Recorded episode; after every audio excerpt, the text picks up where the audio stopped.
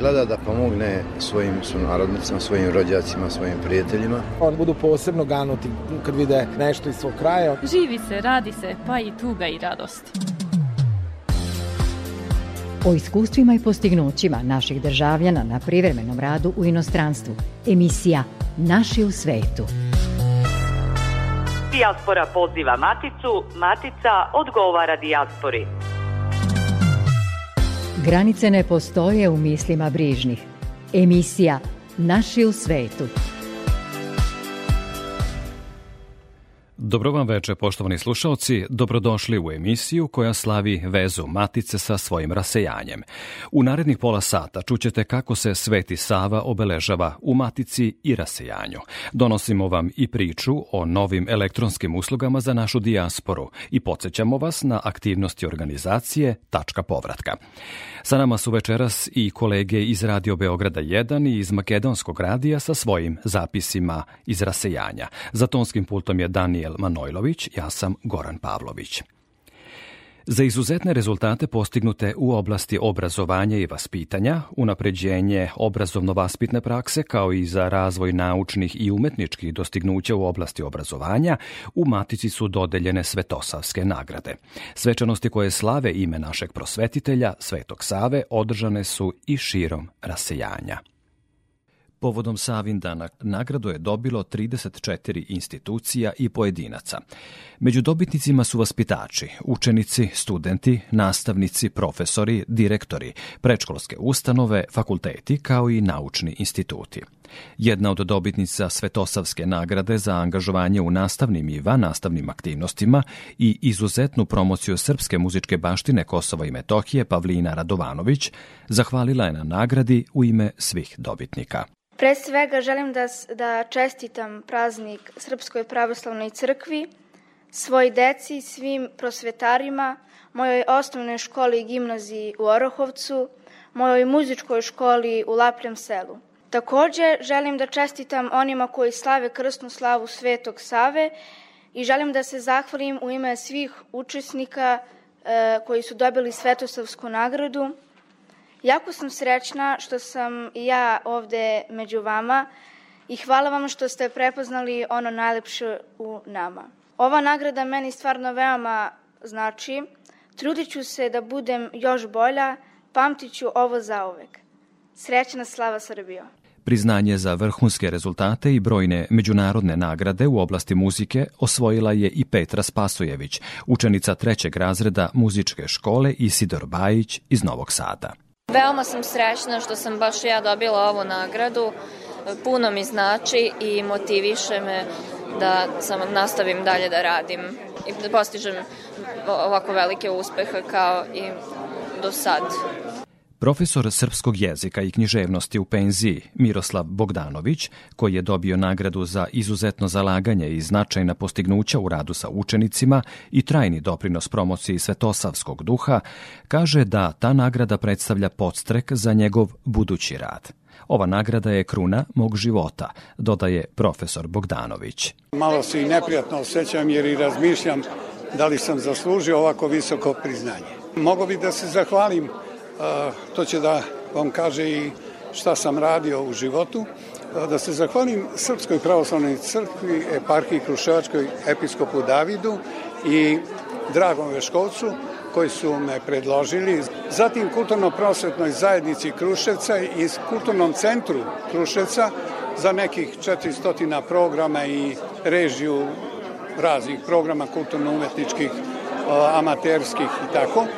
Potom predložilo me i njima se zahvaljujem pobeda, list lokalnih pobeda, radio televizija Kruševac, sa kojima sam sarađivao i imao ovaj, novinarsku legitimaciju od 67. godine i na kraju ono što je najvažnije, ja sam 40 godina bio prosvetni radnik, profesor u srednjoj školi, srednjim školama Kruševca i do, njihov predlog mi mnogo znači, a to je dao Zavod za obrazovanje i unapređenje vaspitanja regiona Kruševca.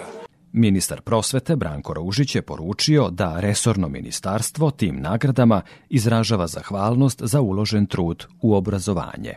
danas svakako obeležavamo najveći praznik svih škola, e, svih zaposlenih u prosveti i pre svega izuzetna mi je čast da vam čestitam školsku slavu Svetog Savu, jer je e, i život i delo našeg najvećeg prosvetitelja nešto što i dan danas potvrđuje moć i snagu obrazovanja, značaj sloge, solidarnosti, pravde, zalaganja i rada na dobrobit sadašnjih i budućih generacija.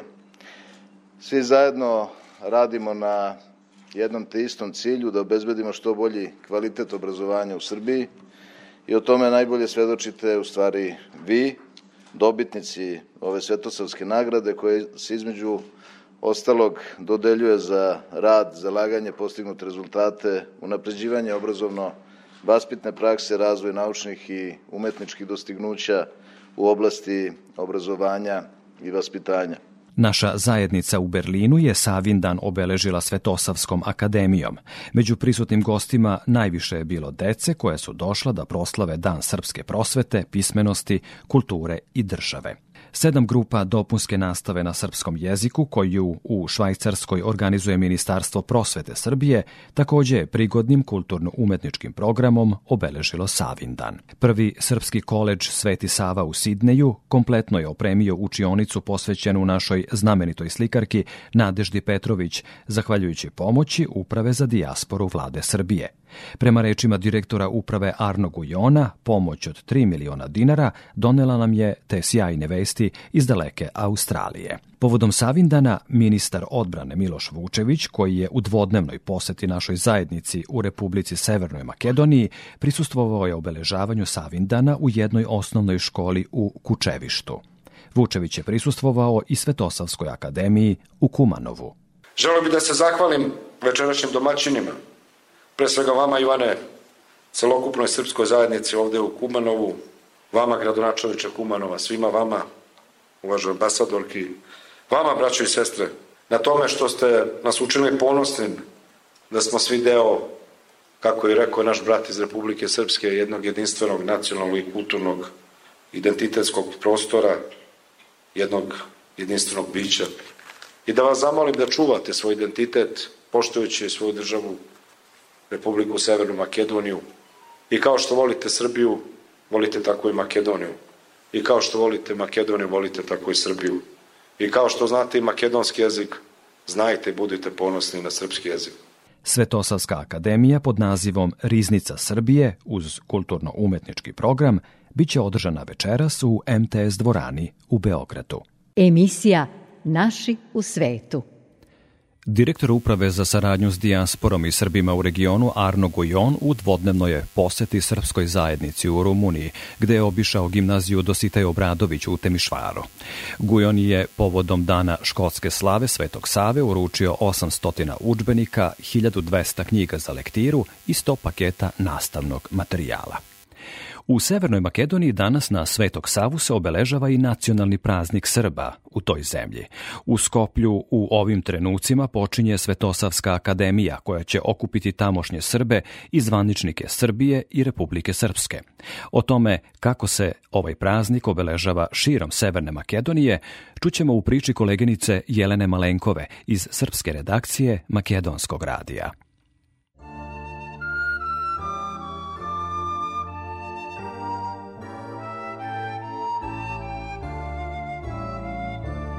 Povodom nacionalnog praznika Srba u Republici Severnoj Makedoniji dana Svetoga Save, prvog srpskog prosvetitelja, učitelja, utemeljivača srpske književnosti i pismenosti, prvog lekara i diplomate, organizuju se mnogobrojne svečanosti i manifestacije gotovo u svim sredinama gde žive Srbi. Ovogodišnja Centralna Svetosavska akademija organizuje se 27. januara u Novom makedonskom pozorištu u Skoplju, gde će biti prisutni mnogobrojni uvaženi gosti, predstavnici srpskih asocijacija i visoki zvaničnici vlada iz Makedonije, Srbije i Republike Srpske. O liku i delu Svetog Save govorit će istaknuti poznati režiser, publicista i pisac Dragoslav Bokan.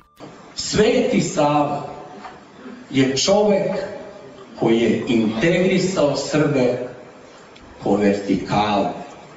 On je nas naučio da ne živimo samo ono što nas pritiska u vremenu. Naučio nas je da spoznamo da je spasenje jedini istinski cilj naših života. Zato Sveti Sava nije samo srpski. Sveti Sava je i svetski i svevremeni. Sveti Sava danas živi sa nama večeras i kad god nam je teško, a uvek nam je Srbima teško i nikada nas ne napušta.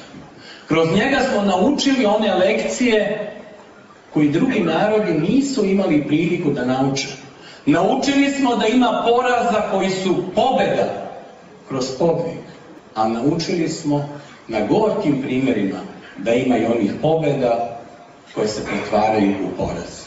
To je tajna čoveka za koga vekovi, granice, putovanja, iskušenja, protivnici ne znače ništa, jer on živi iznad svega toga. On živi iznad svoga vremena i on živi iznad svih onih iskušenja i pobeđuje u bitkama u kojima bi pali i najmoćniji vladari, u bitkama koje se ne dobijaju oružjem, već se dobijaju istinom i dobijaju se onim putem kojim je on nas poveo pre toliko vekova.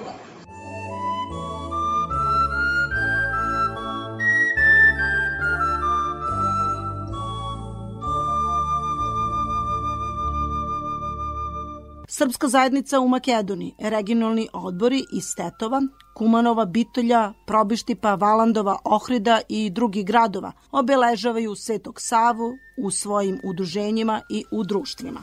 Dalibor Kitanović, predsednik Kulturno-umetničkog društva Srpski ves iz Kumanova. U okviru Svetosavske nedelje, koja je počela ove nedelje, organizuje se niz Sredosavske akademija povodom nacionalnog praznika Srba u Republici Makedoniji. U okviru ove nedelje organizuje se akademija u Kumanovu. Ove akademije kao i akademije koje će da bude u Skoplju kako i akademija isto tako u Bitolju koja će da bude 28. januara ove godine. Ja kao predsjednik Srpskog vezi i član organizacijog odbora za organizaciju sproveđanja svih aktivnosti u okviru Sredosavske nedelje, tako da imamo spremljeno baš onako bogat program, širok program, će adekvatno da, da pokaže koliko nam je važan Sveti Sava, ne samo za nas Srbe u Kumanovu, već i za Srbe u Makedoniji i bilo gde da žive, jer je Sveti Sava naš koren života i svetionik u teškim vremenima i u vremenima koje su danas i koje dolaze. Tako da mi se radujemo našem prazniku. U tom okviru je Srpski vest pripremio jednu prigodan program. Nastupit će naš deči ansambl, nastupit će omladinski ansambl, prvi izvođački ansambl, tako da tu će da se predstavi naša radionica za izučavanje jezika preko nekoliko recitacija, beseda o samom a, Svetom Savi. Stupit će i umetnici iz, iz Republike Srbije. Dolazi nam umetnički ansambl odbrane Republike Srbije a, Stanislav Benički, daleko čuveni tenor i operski pevac Oliver Njego, Posebno se radujem na tome što će da bude specijalni gost na našoj Sredskog akademiji ministar odbrane Republike Srbije, potpredsednik vlade Republike Srbije, gospodin Miloš Vučević, zajedno sa gradonačelnikom opštine Kumanovo. Sve u svemu jedan dobar, kvalitetan program i glavnu besedu o Svetom Savi držit će književnik, scenarista, pisac, istoričar Dragoslav Bokan koji će nam doći iz Beograda. Sve u svemu jedan bogat kulturni i, i umetnički program koji treba da odslika a, suštinu i postojanje Srba ovde na ovim, na ovim prostorima. Zoran Žugić ovde, predsjednik zajednice Srba u Makedoniji iz Bitolja. Kao svake godine proslavljamo i moramo da proslavljamo našeg svetog Savu, jer on je na zajednici Srba naša slava, koja je određena pre tačno 30 godina. I ove godine imamo jedan veliki jubilej u organizovanju naše slave i naravno naše svetosavske večeri koje ovde pravimo u, u Bitolju.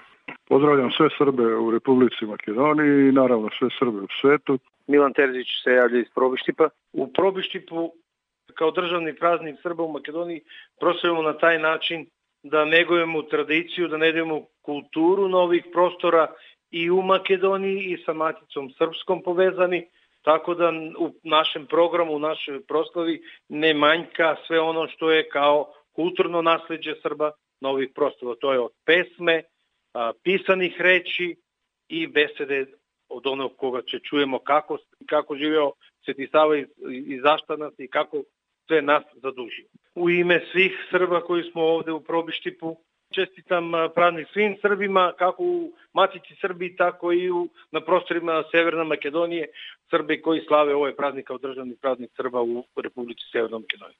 Učenici i nastavnici gde se nastava izvodi na srpskom jeziku, u Tabanovcima, Starim Nagoričanima i u Kučevištu, u prostorijama svojih škola, svojim priredbama obeležavaju Svetog Savu kao školsku slavu. Srpkinjica jedna mala volela je mnogo znati.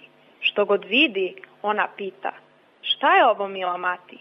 Prevrćući knjigu neku, spazila je sliku malu i na slici decu mnogu, među njima Svetog Savu. Jeli mati, ko je ovo sa dečicom što se bavi, što mu ruka desna lebdi na dečijoj maloj glavi? Reci, majko, ko je? Reci, ja tu sliku vrlo volim. Ne znam zašto, a bih često da se pred njom Bogu molim. I moli se, čerko mila, ta je slika sveta glava. Taj što decu bogosilja, to je čeri Sveti Sava.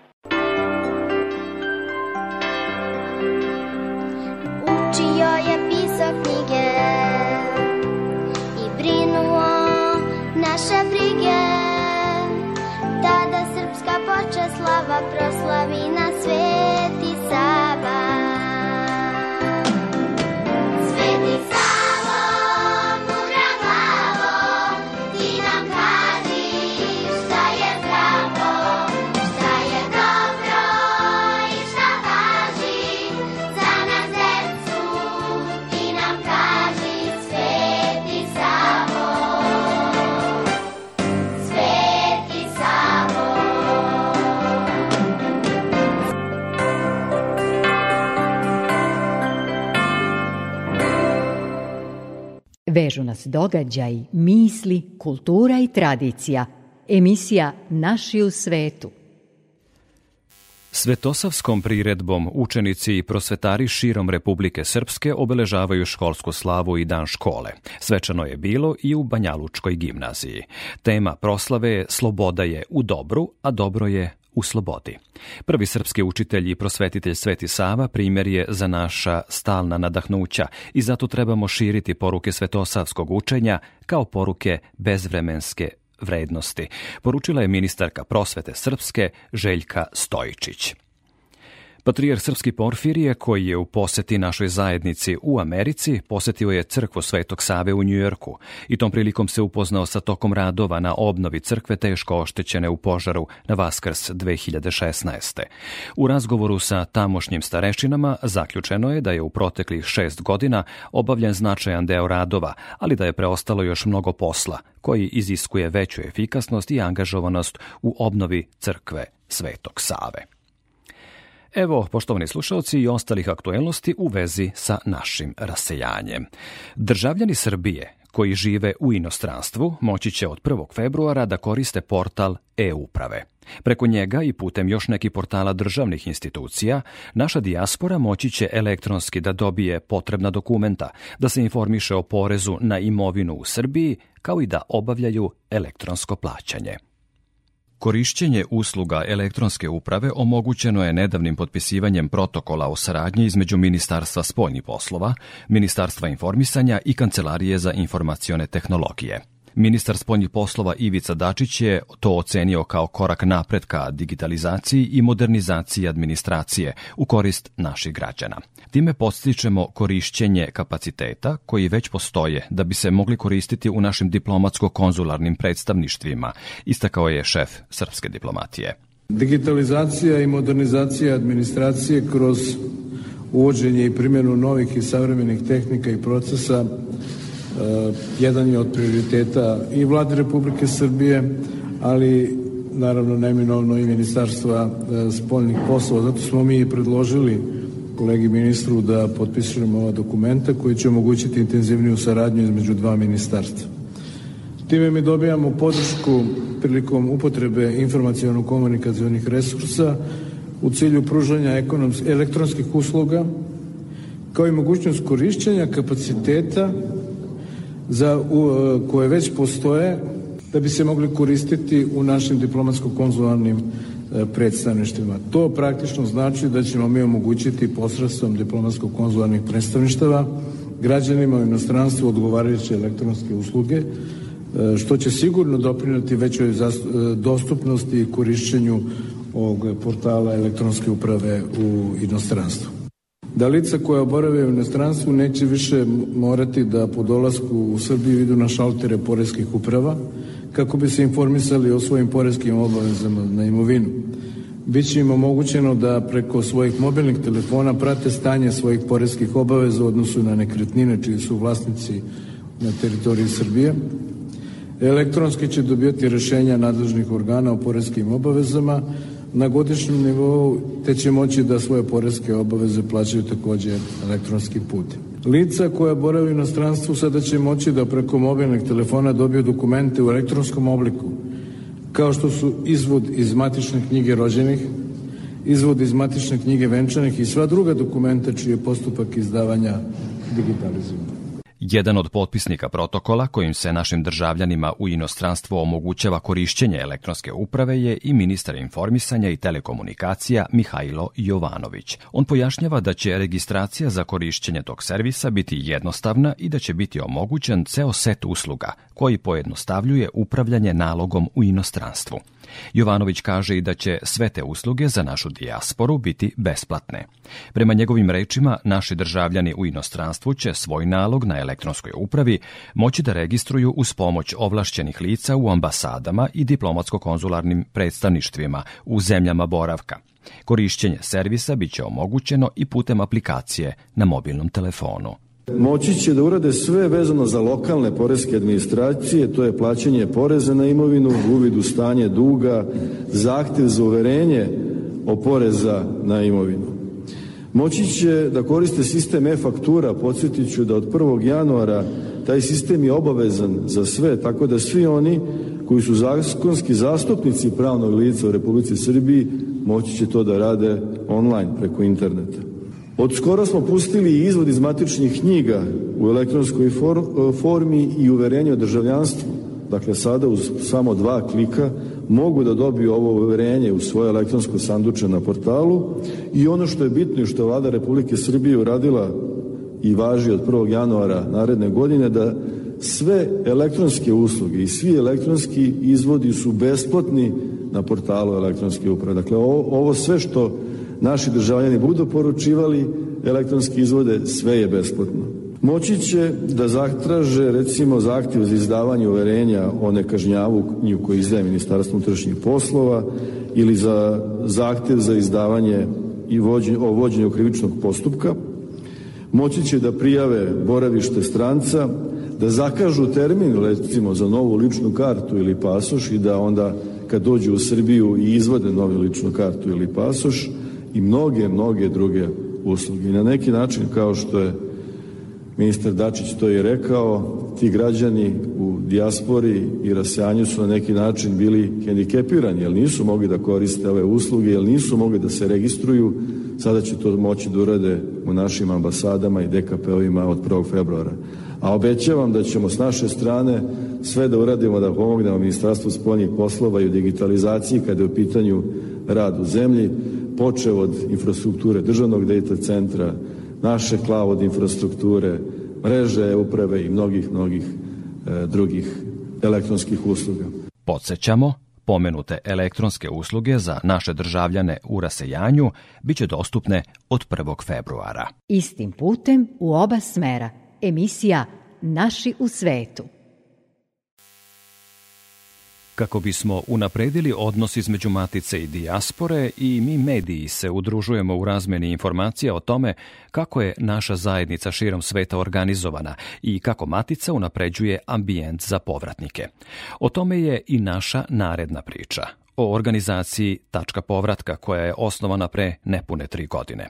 Sa direktorom te organizacije Ivanom Brkljačem razgovara koleginica Ružica Zorkić-Radičević, urednica emisije Večeras zajedno Radio Beograda 1, sa kojim Rekoh, kao solidarni medijski javni servisi, razmenjujemo priloge o odnosu matice i dijaspore.